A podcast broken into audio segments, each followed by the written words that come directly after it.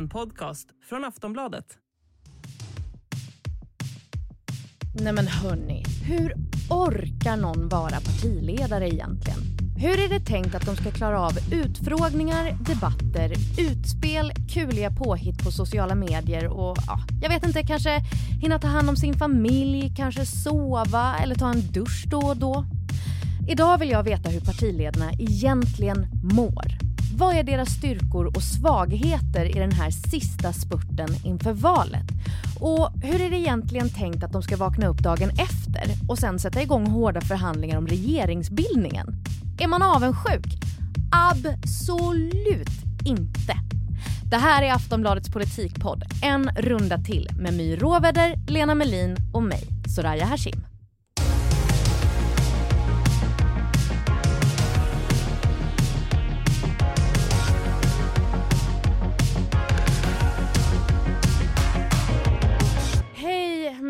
Och Lena, välkomna tillbaka till studion. Tack, så mycket. Igår hade vi ju en eh, partiledardebatt här på Aftonbladet och eh, vi tre var med på en liten hylla bredvid och eh, kommenterade det som hände under debatten. Hur mår ni idag, undrar jag?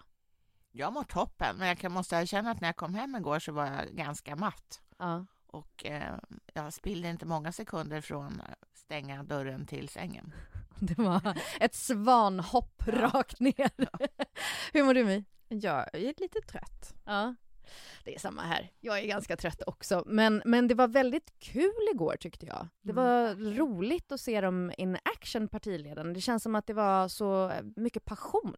Mm, det var kul. Men var det för att det var live? För att det var live för oss liksom? Att vi var där i lokalen? Eller har jag en felaktig bild av vad som hände? Jag tror att de var eh, ganska i gasen också, partiledarna. Vad beror det på då? Nej, men jag tror absolut... Först hade de ju värmt upp kan man ju säga. Det var ju bra för oss i Expressens partiledardebatt. Och sen Dagen kom innan de, ja, precis. Dagen innan, Mm. precis. Och sen så kom de till oss också med en betydligt större eh, liksom, ehm, organisation kring det hela och med publik. Och allting blir ju otroligt mycket bättre med publik. Mm. Därför att då känner ju partiledarna mm, vibbarna i luften så att säga. Har de folk med sig eller emot sig? Och, och, ja, det blir en helt annan känsla när man står i- instängd i en tv-studio någonstans. Verkligen. Det var ju en otrolig stämning. Det Mm. var jätteroligt för alla som kom och tittade.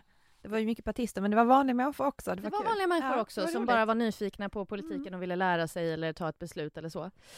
Eh, partiledarna är ju verkligen överallt just nu. Lena, som du sa, att det var partiledardebatt i Expressen dagen innan. Det har varit eh, partiledarutfrågningar i P1. Det, de, de är överallt. Det händer hela tiden just nu.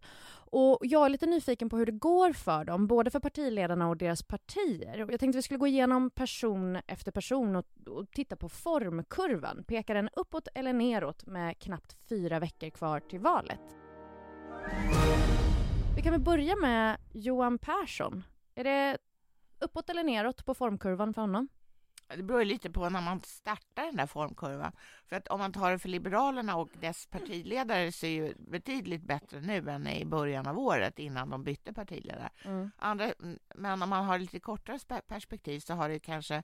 Han, han fick ju väldigt mycket luft under vingarna direkt efter partiledarbytet den 8 april.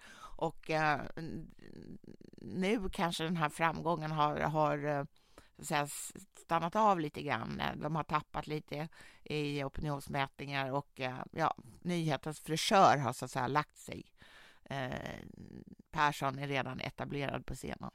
Vi har ju tidigare nämnt det här förslaget som han tog upp om att språktesta tvååringar. Eh, vad...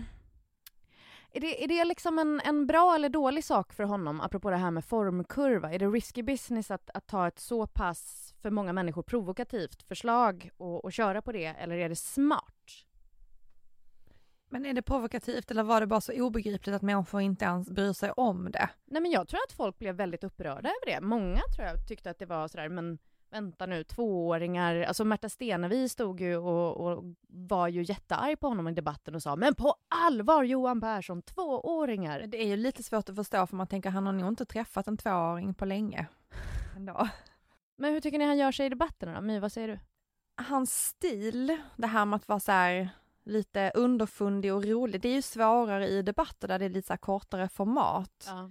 Eh, och att det är också lite svårt när man, man ska liksom debattera med någon och inte bara få liksom säga vad man själv vill. Och också att man behöver hålla en lite allvarlig ton. Så det är kanske inte hans bästa scen, den här typen av debatter. Och inte heller utfrågningar, för där har han, kan han ju inte heller syssla med den här liksom, typen av humorn, utan... Förlåt, vad är hans scen i så fall? Om det inte är debatter och utfrågningar? Ja men jag tror att det är att träffa människor och vara ute och resa, för det är ju någonting de gör väldigt mycket nu. Så one-on-one-grejer med folk som inte eller är partimöten eller att han liksom själv får stå på en scen och liksom prata fritt och sådär. Det tror jag är mycket bättre för honom. Mm. Eh, Lena, visst är det så att vi har eh, på Aftonbladet precis väldigt nyligen släppt en ny opinionsmätning? Har jag fel när jag säger så? Nej, det gjorde vi igår. Precis. Hur såg det ut för Liberalerna i den? Ja, där tappar de. Mm. Mycket eller? Ja, nästan en hel procent om jag minns det hela rätt. Det är ju mycket för ett så pass litet parti. Men, men det, det, alltså, det, de har ju fortfarande armlängds avstånd till 4 spärren. Ja, men det här det kommer väl opinionsmätningar varje kvart? Ja, och jag tror faktiskt att, eh, att Johan Persson, han, det, han måste tygla sig lite och, i, eh, i sitt verbala uttryckssätt. Alltså han måste bli lite stramare, även om han säkert tycker att det är jättetråkigt. Men det tror jag skulle vara bra för honom och för Liberalerna. Mm. Lyssna nu Persson. Vi går vidare till Miljöpartiet. Eh, Märta Stenevi tog ju både Aftonbladet-debatten och Expressen-debatten men Per Bolund tog utfrågningarna i P1. Eh, hur är Miljöpartiets formkurva nu? Prick nu. Uppåt. För att... Från väldigt låg. För att eh, det är en massa som strömmar från sossarna till dem. Det är taktikröstare, alltså de röstar ju inte ännu utan man tar så att säga taktikröster i väljarbarometrarna. Under debatten igår så, apropå passion, Märta Stenevi körde ju. Alltså det kändes ju verkligen som att hon, eh, hon kände mycket, hon, hon var på, hon, jag tyckte hon sa väldigt roliga grejer men det är för att jag tycker det är roligt med dissar. Ja. Ehm, är det bra att, att, hon, att de är så passionerade liksom? Jag tror att de har gjort en eh, helt rätt bedömning när de tänker att Märta Stenevi tar debatterna eh, och att Per Bolund tar utfrågningarna för att han är väl lite torrare i sitt uttryck Mm. kan man väl beskriva det som. Eh, och det gäller ju att ta plats och särskilt man har ju ingenting att förlora. Miljöpartiet har ju ingenting att förlora på att ta plats. Eh, och det är ju också så här att det här med att vara lite vass, jag tror att hon tycker att det är hennes grej. Mm. Det var ju väl uttänkta vassheter, till exempel att Jimmie Åkesson skulle ta av sig sin foliehatt och så vidare. Ja, den tror jag inte hon tänkte ut på stunden när hon stod där då. Den det, hade hon liksom Nej, jag suttit tror att de drar upp linjerna för vilken typ av kritik de ska säga, vilka personer ska de ge sig på, hon gav sig på Ulf Kristersson också. Så att, Men, Men eh, risken som Mä- Mä- Märta Stenevi löper hela tiden det är ju att hon låter sin mun gå alldeles för mycket. ja verkligen. Eh, och det, det, så hon skulle också må väldigt bra av att strama upp sig lite grann. hur menar du för mycket? Alltså, säger hon för grova saker eller att hon pratar för länge? Hon pratar för mycket och för fort. Människor hänger inte med. Aha, okej. Och hon slänger också ur sig saker. Hon har ju gjort det. Hon har slängt, slängt ur sig det här med att hon själv tillhörde en klan, till exempel när de pratade om klansamhället. Ja, just det. Ja, det Att hon tillhörde kvin, en kvinnoklan. Eh, och det här med, vad var det hon sa när hon försökte vara ungdomlig? ja. Ja, hon sa ju också att eh, ingen kunde beskylla henne för att vara våldsam eftersom hon hade fem barn hemma. Just Det. Ett samband som inte var solklart, men i alla fall. Ja. Okej, så kanske lite tänka efter före man, man säger saker. Men ehm, vad, vad är deras styrka så här i spurten? Miljöpartiet? Ja, vad ska de... Jag skulle vilja säga hettan i Europa. Bristen på vatten, matbrist. Mm. Fortsätt trycka på klimatet. Det, är- Mm. det är det vi säger om och om Eller det ni säger om och om igen här i podden. Fortsätt trycka på klimatet. Ja, men det, det, alltså, för partier som ligger risigt till gäller det ju mer än för andra partier att framhäva sina goda sidor. Miljöpartiet har en god sida i väljarnas ögon och det är klimatet. Mm. Det, och det är likadant som, det är helt rätt av, av Johan Persson att hoppa tillbaka till skolfrågan som eh, Nyamko Sabuni lämnade därhen. Därför att har man en uppsida då får man, då får man faktiskt göra det bästa möjliga av den. Det är som, ja, har man ett ett snyggt hus så kan man visa upp det. Har man ett fult hus kanske man inte kan det. Ska vi bränna ner det? Ja. Men får jag fråga bara? De har ju tur också att det är en fråga som är aktuell i valrörelsen och att det är en fråga som andra partier också vill prata om. För Ja. man kan ju också prata om en fråga där man är helt ensam om vill prata om det. Och då blir det ju ingen debatt och då lyfter det inte riktigt. Så att de har ju tur, de har ju det med sig också. Jag måste fråga, efter partiledardebatter så, så görs det ju alltid en undersökning bland tittarna om vem man tyckte vann och förlorade. Märta Stenevi fick lägst poäng av tittarna. Är det ett rättvist omdöme? Inte som debattör, men det, det är ett utslag för att väldigt få tycker att Miljöpartiet är ett jättebra parti. Ja, för när man röstar i en sån här sak, röstar man inte på liksom partiet man gillar eller politiken man gillar snarare än hur bra eller dålig partiledaren faktiskt var i stunden? Alltså, jo, alltså, jag, alltså, det färgar ju av sig. Ja. Att om man tycker någon har, har framför dumma åsikter eller helt eh, aparta åsikter eller irrelevanta åsikter, det är klart att man inte ger den personen särskilt högt betyg. Mm. Även om hon i det här fallet kan uppfattas ha eh, framfört sina argument på ett, väldigt, alltså på ett bra sätt. Vi går vidare till Jimmy Åkesson, formkurva upp eller ner? Plan. Ja, lite så här. Ja. Det är platon. Ja. Varför? Ja, det, alltså det är ju att Sverigedemokraterna står ju inför, em, vad ska man säga, möjliga överraskningar här. Det är mycket som har förändrats i deras förutsättningar. Det här med att de är ett samarbetsparti, de har fått slipa av sina vassaste kanter. För det har ju varit en av deras styrkor, att de står ut, att de är ganska Mm. vassa, att det finns liksom, man kan vända sig till dem med sitt missnöje. Och det kan man inte nu plötsligt, för nu så vill han ingå i en regeringskonstellation och ha Ulf Kristersson som statsminister.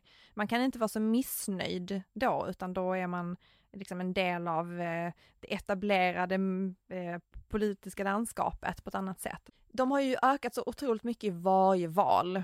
Eh, och det ser det ju inte ut att hända det här valet och det är ju liksom en mental omställning som de behöver göra. De var ju besvikna förra valet att de bara ökade med 5 procentenheter. De hade förväntat sig mycket, mycket mer. Ja, nu kan det. de inte förvänta sig, nu måste de ta ner sina förväntningar men jag tror att mentalt har de väldigt svårt att göra det. Men jag har sagt det förut att så här, ja men nu, nu kommer det bli jobbigt för dem för att de inte kommer öka lika mycket som de har gjort liksom. Men ja, någon gång måste väl alla partier nå en platå. De kan ju inte få liksom 300 procent Ja, av rösterna. Alltså betänk att de i förra valet tyckte att de gjorde ett uselt val. Ja, Ja, men ska de inte bara skärpa sig och vara lite tacksamma för att det är så många som ändå röstar på Nej, dem? men den här gången De är ju inte Miljöpartiet, så fall bli menar jag. ännu uslare. Därför att de kommer inte att öka med 5% eller till 4% eller 3 Mm. Hur tycker ni Jimmy klarar debatter och utfrågningar? Han är superduktig. Mm, Alltså med. verkligen ett S måste man nog säga på det Mm. området. Och Var är hans akilleshäl? Han kan ju vara lite så här översittaraktig Mhm. i, i sin attityd. Men, men, han, men ändå inom på något vis det, det är tolerabla gränser. Varför tycker du att han är så bra My? Nej, men han är ju väldigt duktig dels för att han är väldigt grundad i sin egen politik. Dels för att han aldrig flyger iväg. Till skillnad då från Miljöpartiet. Ja, Men han ändrar aldrig ståndpunkt. Han är liksom någonting som ändå premieras i politiken är att han är förutsägbar och tydlig i vad han tycker. Det är ingen som behöver tvivla på det. Sen tror jag också att en svaghet för honom just nu har inte så mycket med honom att göra utan att det är det politiska landskapet. Han har liksom haft det rätt fett med att vara den där som står i mitten och säga så här, ni är dåliga på den här sidan och ni är dåliga på den andra sidan men vi har svaren Mm. här. Eh, och det kan ju inte han nu. Nu måste han liksom hålla med en sida och det gör ju honom lite lam. Han blir inte lika eldig eller kan ta lika mycket plats i en debatt när han måste hålla med den ena sidan eller hålla god ton där. Jag är också nyfiken på vad ni tänker om Nooshi Dadgostar och Vänsterpartiets formkurva. Ja, alltså efter den här utfrågningen i P1 Morgon idag så kan jag säga att den är dålig, synnerligen dålig. Berätta, jag sov. Ja, det gjorde inte jag. Men, eh, och jag, jag, med tanke på vad som sades där så sov jag allt mindre. Men Eller- vad sa hon då? Vad var problemet? Ja, det var inga besked överhuvudtaget. Det var det värsta jag hört. Nej, det är inte det värsta jag hört. Jag ändrar mig genast. Men, men det, var, det var mycket uppseendeväckande. Mm. Men, men säg, vad var det liksom konkret som var kass? Men, och, igår gav hon ju ett besked i regeringsfrågan eh, i Aftonbladets partiledardebatt eh, efter att ha gett diverse skiftande besked eh, under de här tidigare dagarna. Eh, I morse var vi tillbaka på ruta ett. Att det, var inte klar, det, var, det var mycket oklart det hela. Eh, och, eh, det fanns inga ultimativa krav och det fanns inte det. Alltså det var så snurrigt. Nej, det var ju väldigt snurrigt det där kring eh, regeringsfrågan. De hade då inga ultimativa krav, men de hade ett ultimativt krav att få ha ministerposter. Men inte några ultimativa krav. Fast att de skulle ha ministerposter. Men jag förstår ingenting. det. Förlåt, jag Nej, men, det, är- det, ingenting. nej, men bry dig inte sådär, jag för det gick inte att förstå. Nej men det är ju det. Ja, ja, Och okej, vi det går vidare då. Ja, vi tycker jag. Ja, men det Vi, ju- vi lägger det här till handlingarna. Okej, men jag Vi måste bara fråga. blad. Men jag måste bara fråga ändå innan vi går vidare från Nooshi, för jag är nyfiken. Hur Men igår ni... var hon bra tyckte jag. Ja, det var jag skulle Ja. fråga. Hur var hon i debatten igår? Ja men då tyckte jag så här, hon, hon landade ändå i debatten i att använda sina profilfrågor i, liksom, i de här debattrundorna med de andra partiledarna på ett sätt som var liksom begripligt och känslosamt och det är hon ju, när hon liksom lyckas komma fram till det här med känslor så är hon ju väldigt bra på det tycker jag. Eh, just det här med att man pratar om liksom en, en eh, person som är så här arbetarklass, alltså det, det perspektivet framför hon tycker jag på ett bra sätt och det gjorde hon igår när hon då kanske var lite mindre trött än vad hon var i morse. Vi, vi låter Nooshi Dadgostar ta en nap. Jag måste säga att det där gick mig i så fall spårlöst förbi. Jag kommer inte ihåg någonting hon sa. Aj! A lot can happen in three years, like a chatbot may be your new best friend. But what won't change? Needing health insurance. United Healthcare Tri Term Medical Plans, underwritten by Golden Rule Insurance Company, offer flexible, budget friendly coverage that lasts nearly three years in some states. Learn more at uh1.com. Vi går vidare till Ulf Kristersson. Hur mår han? Inte så bra. Nähä? Han fick väl toppbetyg? Ja, av- men eh, Eller nu sa vi i och för sig att de där undersökningarna kanske inte säger så mycket egentligen, men, men eh, jaha, du tyckte inte han var bra igår eller? nej. Varför det? Alltså, det var ju ett roligt meningsutbyte om jag ska vara riktigt ärlig mellan statsministerkandidaten eh, Ulf Kristersson och den eh, titelinnehavaren Magdalena Andersson. Det var skojigt därför att de var, de var fräcka i mun. Det var ju, de hoppade ju på Ulf Kristersson flera gånger, både Magdalena Andersson och eh, Stenevi, om, om han verkligen var en statsministerkandidat. Bland ja, Det annat var det jag tänkte på. Bra. Ja, nej, men bland annat ifrågasatte hon ju att, eh, eller Magdalena Andersson sa ju så här, men eh, kanske blir Jimmy Åkesson den som har mest stöd på högersidan. Mm. Eh, och det tyckte jag var roligt för att man såg när Lena pratade om det sen när vi hade vår analys. Eh, när hon sa så här, "Ja, men det är bara trams, det är klart att Ulf Kristersson är statsministerkandidaten. Så såg man typ hur Ulfs axlar sjönk lite där. när han stod där bakom bara, Åh snälla jag kan inte någon bara säga åt dem att det här är liksom Men det jag är den tur. som är statsministerkandidaten, sluta jag. säga att det är Jimmy Åkesson. Men eh, hur, hur sköter han sig då? Han har också varit med i P1s utfrågning och så, och debatter. Och det var ju en evighet sen. Förra veckan. Ja, men jag vet att det här, i sådana här sammanhang, jag tycker han ofta kommer lite bort. Jag vet inte riktigt vad... Mm, Ja, Men eh, har det att göra med att, att eh, den blåa sidan är, eh, vill liksom framstå som en enhet och då, då får de liksom en fjärdedel av uppmärksamheten var istället för att... Eller också beror det på att de andra tre är ju ganska starka personligheter. Både Johan Persson, Ebba Busch och, och eh, Jimmy Åkesson tar ju väldigt mycket plats. Mm. Eh, och, då, och, då, och då är det lite så kanske automatiskt att den fjärde hamnar lite i bakvattnet. Ja. Vad vill ni säga om Ebba Buschs formkurva? Ja, den, den skulle jag säga är bra. Eh, visserligen så går det inte jättebra för partiet i opinionsmätningar, men det var ju Men hon känns ju frisk och kry och rosig, gör hon inte? Jo.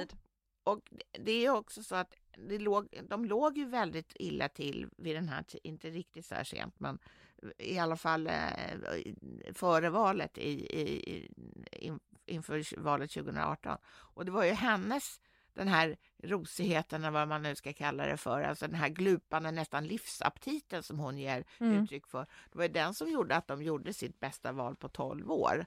Eh, Så att hon eh, strävar väl säkert, eller hoppas att det där ska kunna upprepa sig. Mm. Och då, är ändå, då kommer hon ju starta på lite på högre nivå än, än hon gjorde förra, i förra valet. Va, vad säger du My, om, om du skulle satsa lite pengar på det? Tror du Kristdemokraterna kommer öka i valet? Alltså de gjorde ett otroligt bra val förra valet. Jag skulle säga att de är nog glada om de har ungefär samma. Okej. Men jag måste säga också att när, vi, när man tittar på det här Alltså utan Märta Stenevi och Ebba Busch, då hade det här varit ett riktigt tråkigt gäng ändå att ha i en debatt. De två Nej, de gör liv. ju att det blir sån show. Alltså det är Mm. inte att de andra är dåliga, men de har ju ändå någonting och särskilt Ebba Busch, liksom av den här showartisten i sig. Eh, så att Det är i liksom det här forumet, det är steppskor, det är fyrverkerier, det känns, det är drama, det blir bråk, det är roligt. Ja, ja men hon vet hur man liksom tänder gnistor. Ja. Det vet hon verkligen. Och i det här forumet så är hon ju väldigt stark. Jag tänker då om man tänker på hennes utfrågning istället, det kommer ju fler utfrågningar, där är hon ju absolut inte lika stark. För där är ju den här liksom, eh, det här med att eh, hon eh, attackerar, det blir inte lika bra i en utfrågning. I P1s utfrågning handlade det ju om att man pratade om den här husaffären. Hon sa så nej men jag behöver, jag behöver inte prata om det här, för att eh, jag har redan pratat om det. Men om någon ställer en fråga, om man är politiker, då får man svara på den frågan. Det är liksom det som är dealen när man sätter sig i en utfrågning. Det är inte hon som bestämmer. Men på en scen, så här, då bestämmer hon och det passar henne jättebra. Hon ville ju till och med ta replik på mig. Ja. Det tyckte jag var ändå ett nytt grepp. Jag jag måste fråga, hur eh, sågs ni någonting efter debatten? Absolut. Vad, vad är stämningen då liksom när ni ses? Nej, men vi hade så trevligt så. Jag hade inte hört att hon sa det här, ä- att hon ville ha replik på mig. ja. Så hon berättade det. Och sa jag, oj då, vad sa jag som var så förgripligt? Ja. Ja, det var eh, om kärnkraften, eh, Ringhals, avvecklingen av, av reaktorerna i Ringhals. Så vi pratade ganska länge om det. Och, ehm, Ja, var det det hon gapade om? För det var Ja. något tillfälle när vi, när vi var, när kamerorna var på oss och vi var i Hon sändningen. Och då hörde man så här, nu stod Ebba Busch och gapade borta på, Ja. på partiledarscenen men jag hörde inte vad hon sa. Nej, men det var det hon sa tydligen då, att hon ville ta replik på den där människan som sitter där och tjatar om kärnkraften. Men, men, eh, men, men vi, till slut var vi helt överens. Jag hör ju guldstjärnor här. Har hon någon akilleshäl? Är det något, någon svaghet hon har utfrågningsmässigt? Nej, hon är ju väldigt duktig. Alltså, hon och Jimmy Åkesson tycker jag är de bästa debattörerna av partiledarna. Mm. För de, de, eh, men hon är ju kanske lite mer, för att återknyta till vad My sa förut, hon kanske lite förnyar sig mer, men han, kör på ga- gamla uppkörda mm. hjulspår. Eh, Annie Lööf, hur mår hon? Vi går vidare till henne. Ganska bra tror jag. Ja, tror jag också. Formkurva, upp, ner. Vad säger opinionen? Vad säger ni? Ja, de ökar ju fast de ligger fortfarande under sitt valresultat från förra året, Mm. eller förra valet, förlåt mig. Nu får man ju se hur det här, hennes besked eller vad man nu ska kalla det för, regeringsfrågan landar. Mm. Hur tycker ni hon sköter sig i, i debatterna, utfrågningar? Vad är hennes form? Men det tycker jag den är ganska bra. Och jag måste säga att debatten igår var, tyckte jag ändå att hon hade ett, liksom ett lyft mot hur hon kan vara ibland. För att om man pratar om den vuxna i rummet så skulle jag väl ändå säga kanske att Annie Lööf är den enda riktiga vuxna i rummet i det här gänget. Hur då? Ja men att hon alltid är eh, så förnuftig och liksom eh, pratar om lösningar, alltså hon showar inte på det där sättet som de andra kan göra. Finns det inte en risk att det kan vara lite förnumstigt? Ja men det är det jag menar, det blir väldigt förnumstigt. Så att jag menar, hon är ju verkligen den där vuxna i rummet. Men jag tyckte att det här greppet att ge sig på Ebba, där hon vet att det brinn, bränns på Ja. Ebba med aborterna, eh, det var lite roligt. Och sen så tyckte jag också att det var Ja men det var lite friskt ändå att hon valde det här ämnet mäns våld mot kvinnor. Ja Men precis, alla partiledarna fick ju... igår, det här är någonting som inte tas upp så himla ofta och som ändå liksom blev ett debattämne mer eller mindre här. Och att hon vågar göra det, att hon vågar ta ett kort som är, alltså även om det är en profilfråga för partiet, så vet hon om att de andra inte är lika profilerade i de här frågorna eller liksom inte är så pigga på att debattera det på samma sätt. Så det tyckte jag var, eh, ja men det var modigt och det är en fråga hon själv brinner för och det blir ju alltid mer intressant med en politiker som verkligen är engagerad i det ämnet de pratar om, än när man bara har ett ämne för att det, den politiken som partiet vill driva. Mm. Jag tyckte att Annie Lööf var ovanligt lössläppt igår. Eh, Jaså? Ja, men det här när hon gav sig på Ulf Kristersson var ju väldigt Mm. upp- Det var kul. upplyftande. Påminn mig. Ja, Påminn mig. Jo, hon, eh, hon, hon sa, jag hade inte tänkt ta, eh, sträcka upp handen i, den här, i just den här debatten, men det handlar då om att bryta va- vallöften och så vidare. Mm. Och då sa hon att hon ville bara påminna om att han inte skulle samarbeta med Sverigedemokraterna, hade han sagt. Om himlen föll om inte himlen föll Precis. ner. Och eh, eh, det där tog han in, inte så väl upp, för han meddelade lite senare under debattens gång att himlen hade Mm. fallit ner. Magdalena Andersson är den sista partiledaren. Eh, hur mår hon? Bättre än hon gjorde i Expressens debatt i alla fall.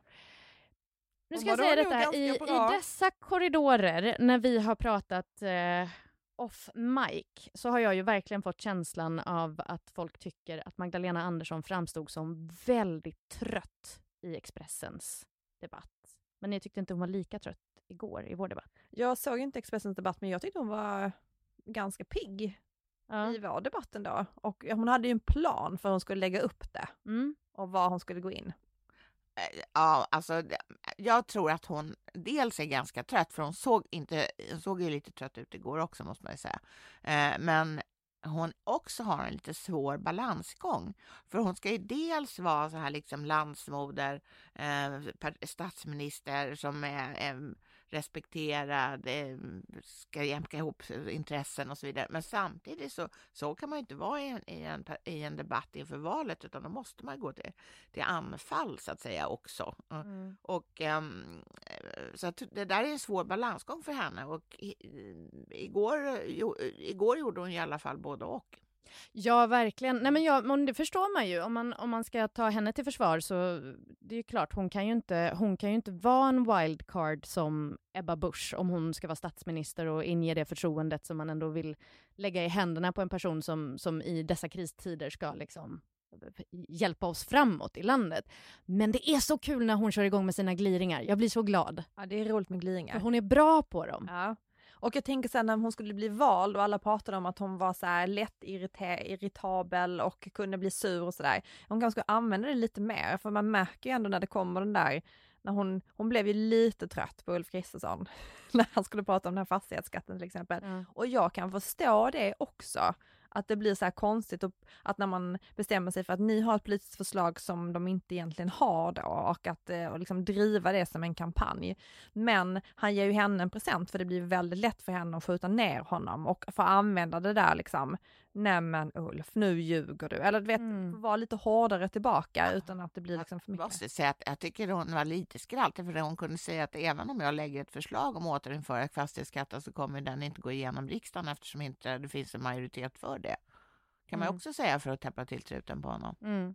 Ja, men det, vi, vi, vi skickar det till henne helt enkelt. Ett Ja, medskick till Magdalena Andersson.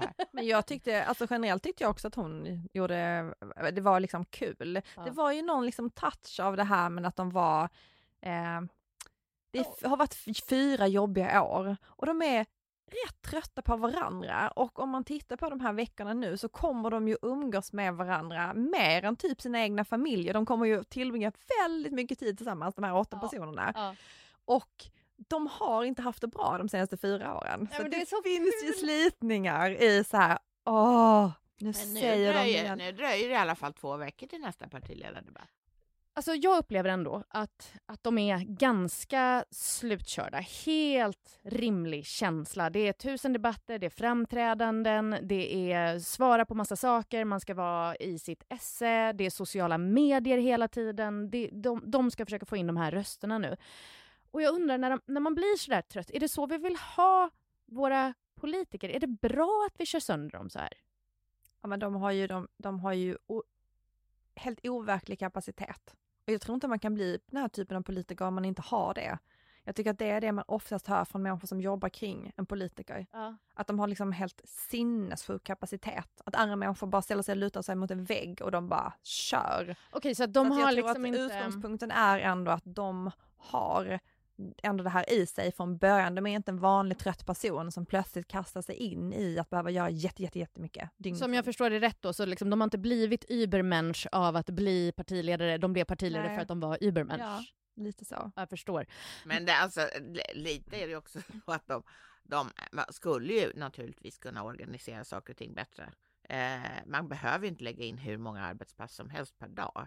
Som Magdalena Andersson, hon- hade massa åtaganden i, i Göteborg över helgen, sen åkte hon på statsministermöte en hel dag i Oslo eh, på måndagen, sen tog hon emot eh, Tysklands förbundskansler på tisdagen, sen var hon på partiledardebatt i Expressen på, på kvällen på tisdagen, Eh, sen presenterade hon ett 60 miljarders paket onsdag morgon. Sen, eh, sen tog hon kanske en promenad och sen eh, var hon på Aftonbladets partiledardebatt. Nej, men snälla, jag måste sjukskriva mig bara jag hör det här. Ja, men det, ja, man, det är ju inte så. Det, finns ju ingen naturlag som säger att man måste ha ett sånt schema. Men har man råd att inte ha det? Alltså Ja, Olaf i den här stunden? man ju he- absolut ta bort för närvarande. Han kan komma efter valet. Ja. Och likaså statsministermöte i i Oslo. Då kan man säga att tyvärr, jag har en valrörelse att tänka på. Jag skickar en vikarie. Ja. Alltså den, den schema som det har snackats mest om den här veckan är ju Annie Lööfs schema. Nu har det, beror det nog mycket på att det finns, alla utfrågningar är ju lottade och att det har fallit ut så att hon gör allting samtidigt. Hon har varit i P1, P1 Morgon utfrågning på SR, hon har gjort två stycken partiledardebatter, hon ska göra SVTs utfrågning, hon har gjort P4, P4 Extras utfrågning och det var någonting annat. Och det är ju ett helt galet schema för en vecka, men det handlar ju om lottning. Jag tror det var morgonpasset också. Ja det kanske det också Åh, var. Ja men det var, herregud. det, Nej, men liksom, jag det var inte. för mycket. Men eh, som en liten fågel viskade till mig att eh, till och med Ebba Busch som hade varit i P1s utfrågning i måndags var helt upptagen av Annie Lööfs schema. Var så här, hur ska hon orka? Det här är helt omänskligt. Stackars Annie. Alltså det är ju otroligt mycket. Men, men det jag oroar mig för är, i och med att, att eh, läget är så skakigt, vi vet inte vad som händer när vi har röstat, hur regeringen kommer se ut. Det är ändå Ja, otydligt. nej, det kommer inte ta slut. Nej men precis. Så valet är den 11 september. Vad händer den 12 september när de ska sätta sig och börja förhandla? Och det kommer ju ta jättemycket energi och tid. Är de verkligen i sin bästa form att göra de förhandlingarna efter den här jättelånga valspurtsperioden när alla håller på och verkligen kutar det snabbaste de kan Men rakt alltså, in i veckan, väggar? veckan efter valet, den kommer, men sen brukar de dra ner rullgardinen fredagen efter valet och liksom åter kvickna till framåt måndag morgon. De tog helg helt enkelt. Men snälla. Men är det här bra? Alltså får vi ut den bästa politiken för Sverige av att man kör sönder politikerna Nej, på det här jag- sättet och sen ska de Nej, prata det- regeringsbildning? Alltså, jag säger ändå att lite har de sig själva att skylla, kanske Mm. inte för lottade intervjuer, det kan de inte rå för. Men eh, jag tänker på en episod från Almedalen nu, Almedalen nu i somras. Mm. Då, eh, det, det var, ju, det var eh, Johan Perssons första Almedalstal, som, i alla fall som partiledare. Och han, eh, han, han åt ingen lunch. Eh, Och klockan tre skulle han ha en jättestor presskonferens och berätta om allting nytt och krytt han hade att säga. Eh, sen skulle han låta sig intervjuas av 112 människor efter den där presskonferensen och plötsligt så skriker han bara banan, choklad, läsk. Det låter som en låt. Ja, och då liksom han hade drabbats av ett blodsockerfall utan like. Och det är klart, har man inte ätit något sen frukost, man får, måste se till att det inte blir så där helt enkelt. Banan, choklad, läsk. Ja, men det som jag kände var ju i sminket igår också när Annie Lööf och Nooshi Dadgostar stod och pratade om det här med att vara småbarnsföräldrar. Mm. Och du och jag Soraya, vi har ju barn som är exakt lika gamla som Nooshi Dadgostar och Annie Lööfs barn.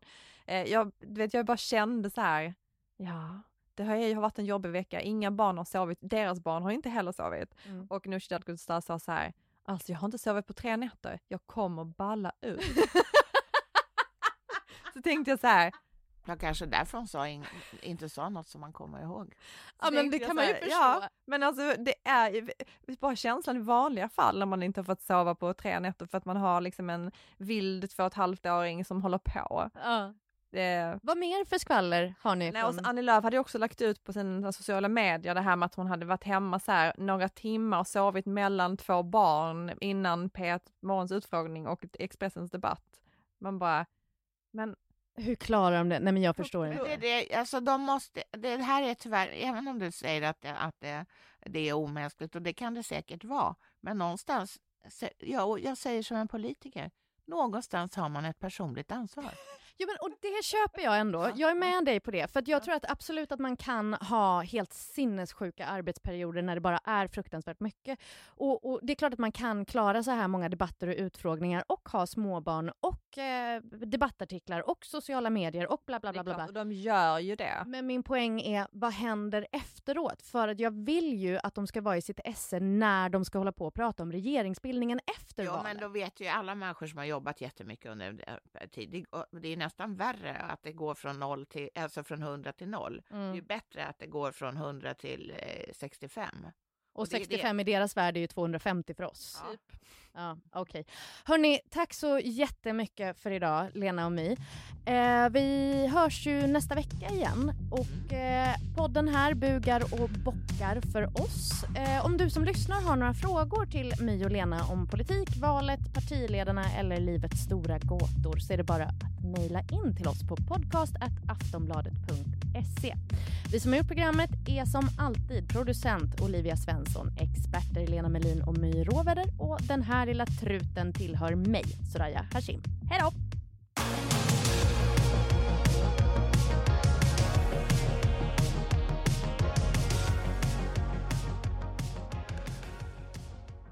Du har lyssnat på en podcast från Aftonbladet. Ansvarig utgivare är Lena K Samuelsson.